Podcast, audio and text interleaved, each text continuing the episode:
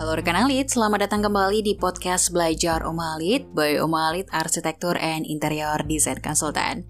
Gimana kabarnya hari ini? Semoga sehat selalu ya dan tetap bertahan, semangat dan menjalankan protokol kesehatan untuk menghadapi pandemi yang kita masih belum tahu nih kapan berakhirnya.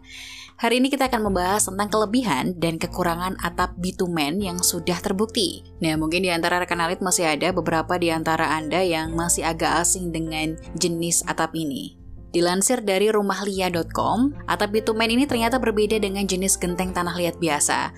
Rekan alit harus mempertimbangkan kelebihan dan kekurangan sebelum menggunakan jenis atap ini sehingga tahu bahwa atap bitumen perlu Anda pertimbangkan. Dari segi material saja, jenis atap ini sudah terbuat dari aspal atau bitumen yang kemudian dicampur dengan fiberglass, alga coating, dan pasir batu. Jenis atap bitumen mungkin saja rekan alit kenal dengan nama atap yang disiram aspal, dan asal muasal jenis atap bitumen sebenarnya berasal dari Amerika Serikat ketika atap bitumen mulai dikenal pada tahun 1904. Beberapa kelebihan dan keunggulan atap bitumen ternyata dapat memberikan keuntungan bagi Anda yang memilih untuk menggunakan atau mengaplikasikannya di hunian rekan alit. Yang pertama adalah ternyata jenis atap ini tahan api, tahan air, dan juga kuat.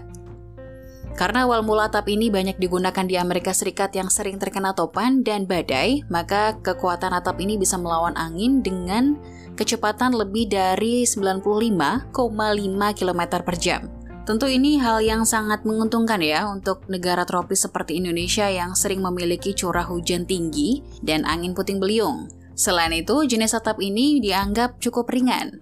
Atap bitumen memiliki berat atap yang cukup ringan sehingga cocok sebagai jenis genteng untuk atap baja. Jika dibandingkan dengan genteng keramik atau genteng beton, maka bitumen ini jauh lebih ringan. Ini sangat menguntungkan karena bisa membuat beban yang ditahan oleh rangka atap jauh lebih ringan. Bahkan sangat sesuai untuk rumah yang menggunakan rangka atap dari bahan baja ringan atau kayu. Variasi dari jenis atap ini juga ternyata banyak ya. Jadi kalau rekan Ali termasuk orang yang peka terhadap eksterior dan tampilan luar rumah, maka atap bitumen layak untuk dipilih.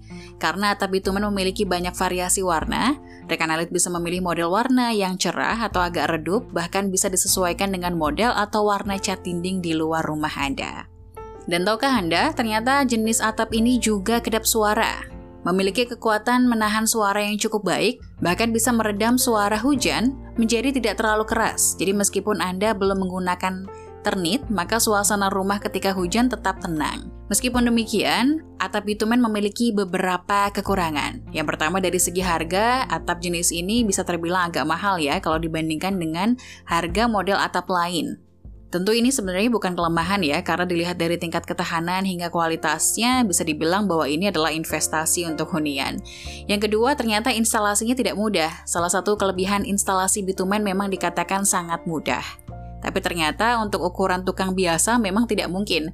Untuk hasil yang tepat dan memuaskan sebaiknya menggunakan jasa instalasi bitumen khusus yang sudah berpengalaman. Biaya instalasinya juga cukup besar, jadi ada salah satu perbedaan instalasi atap bitumen bahwa sebelum mulai dipasang, harus dialasi dengan bahan multiplex khusus baru diberi atap bitumen.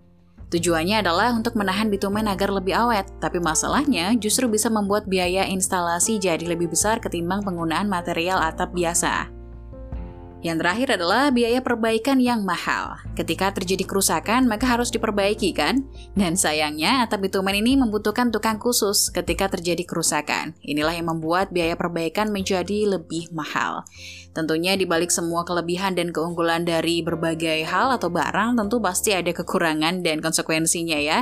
Semoga bermanfaat untuk rekan alit, semoga bisa membantu Anda untuk menjatuhkan pilihan kira-kira akan menggunakan material atap apa nih. Dan jangan lupa juga untuk selalu menyimak Belajar Omalit Podcast. Jangan lupa follow Instagram dan fanpage kami di @omahalit. Kunjungi website kami di www.omahalit.com dan subscribe YouTube channel kami Omah Alit underscore interior. Sampai jumpa di podcast selanjutnya. Omah Alit, better living for today and tomorrow.